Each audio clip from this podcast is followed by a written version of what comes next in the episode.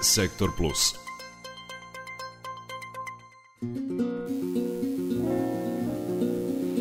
Tačno je 12 sati 15 minuta, ovo je poslednji sat prepodnevnog programa, ali u svakom slučaju i dalje imate razloga da ostanete na talasima Radio Novog Sada, sledi još dobre muzike, mnogo važnih priča i evo otvorit ćemo ovaj sat sa rubrikom Sektor Plus, koji sredom u fokus stavlja obrazovanje i danas govorimo o najavljenim konkursima u obrazovanju. Upravo da bi se upoznali sa najavljenim konkursima, direktori obrazovno vaspitnih ustanova u Vojvodini odazvali su se pozivu Sekretarijata za obrazovanje na radni sastanak. Najveći deo sastanka bio je usmeren na pitanja oko konkursne dokumentacije, načina realizacije projekata, a tiču se i adaptacije, rekonstrukcije i sanacije objekata. Bilo je reči i o ispitima za licencu direktora, nastavnika i stručnih saradnika. O tome Biljana Kuriš.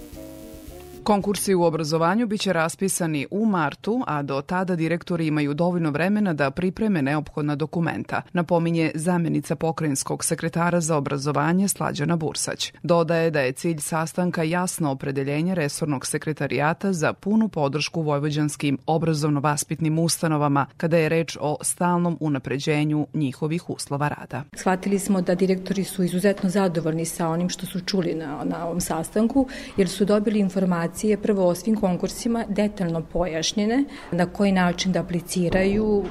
kome su namenjeni, a takođe imali su mogućnost da pitaju sve ono što su imali dileme ili nedoumice do tada. Takođe smo im predstavili nove konkurse koje pokrinjski sekretarijat je sada uveo, to je ovaj konkurs za bezbednost, odnosno za poboljšanje bezbednosti učenika u školama, a koji se odnosi na projekte, odnosno saradnju škola sa spoljnom zaštitnom mrežom kako bi doprineli poboljšanju saradnje, a ujedno i bezbednostnoj situaciji u školama. Takođe smo i predstavili, što bi rekli stari, ali novi konkurs vezano za projektnu dokumentaciju, jer bez projektne dokumentacije ne možete da aplicirate nigde, tako da smo omogućili da i ove godine škole imaju mogućnost da urade dokument kako bi mogli da apliciraju na sve druge konkurse. Najviše pitanja bilo je oko realizacije projekata, dok je sekretarijat apelovao da se prijavljuju oni za sanaciju toaleta za đake, jer su, kako kaže Bursać, i uprkos znati znatnim ulaganjima toaleti i dalje neuslovni. Najveće poteškoće odnose se na to da koraci ovog posle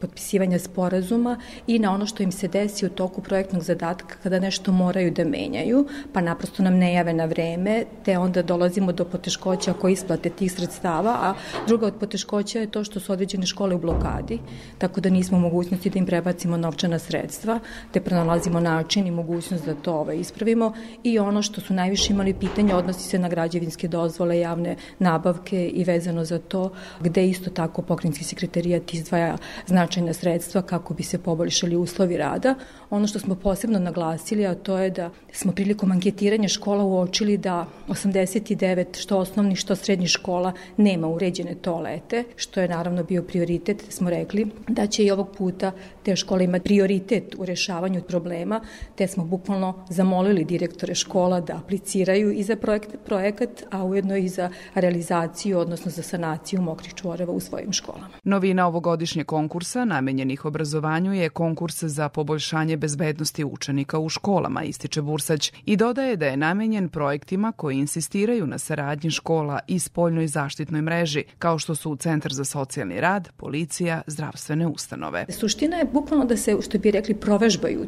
ti neki koraci kada se nešto desi u nekoj imaginarnoj situaciji koja im se ili desila, naravno bez imenovanja lica ili već koje su imali, kako bi i roditelji i učenici i zaposleni bili nosioci svih tih koraka. Na primjer, desila se neka situacija o nekoj povredi ili bilo čemu, konkretno oni treba da prođu iskustveno, da se pročita šta je bio zadatak, šta se desilo i koji su koraci u realizaciji, a ujedno u tom projektu da zajedno učestvuju savet roditelja, odnosno predstavnici roditelja, koji će isto imati ulogu da znaju šta oni treba da urade kao roditelji, kome da se obrate, naravno predstavnici centra koji će tada reći na koji način treba da izgleda dopis koji stiže do njih, policija koja će da sugeriše direktoru ili PP službi ili timu na koji način treba da, da ih obavesti, koliko vremenski da prođe, predstavnici školske uprave koji su takođe dragoceni, a ono što nam je izuzetno bitno da je platforma Čuvamte koja postoji odavno, a koja se ne koristi dovoljno, sada se koristi za prijavljivanje i prvog oblika nasilja, prvog nivoa nasilja, nasilja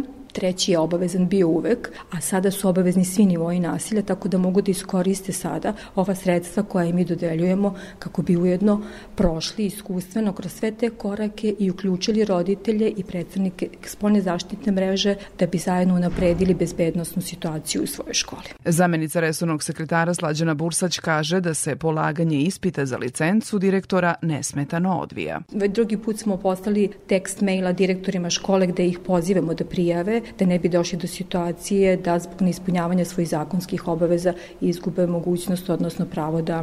ne ispunjavaju uslove za konkurs direktora škole. Zbog pandemije koronavirusa bilo je određenih zastoja u realizaciji svega toga, ali hvala Bogu sve se to smirilo, tako da verujem da sada direktori imaju mogućnost i vremena da realizuju svoj istraživački zadatak i da prijave za ispit za licencu kako ne bi došlo do poteškoća u njihovom radu, a i nama prijava koje stižu svakodnevno. Konkursi u obrazovanju resornog sekretarijata biće raspisani sledećeg meseca.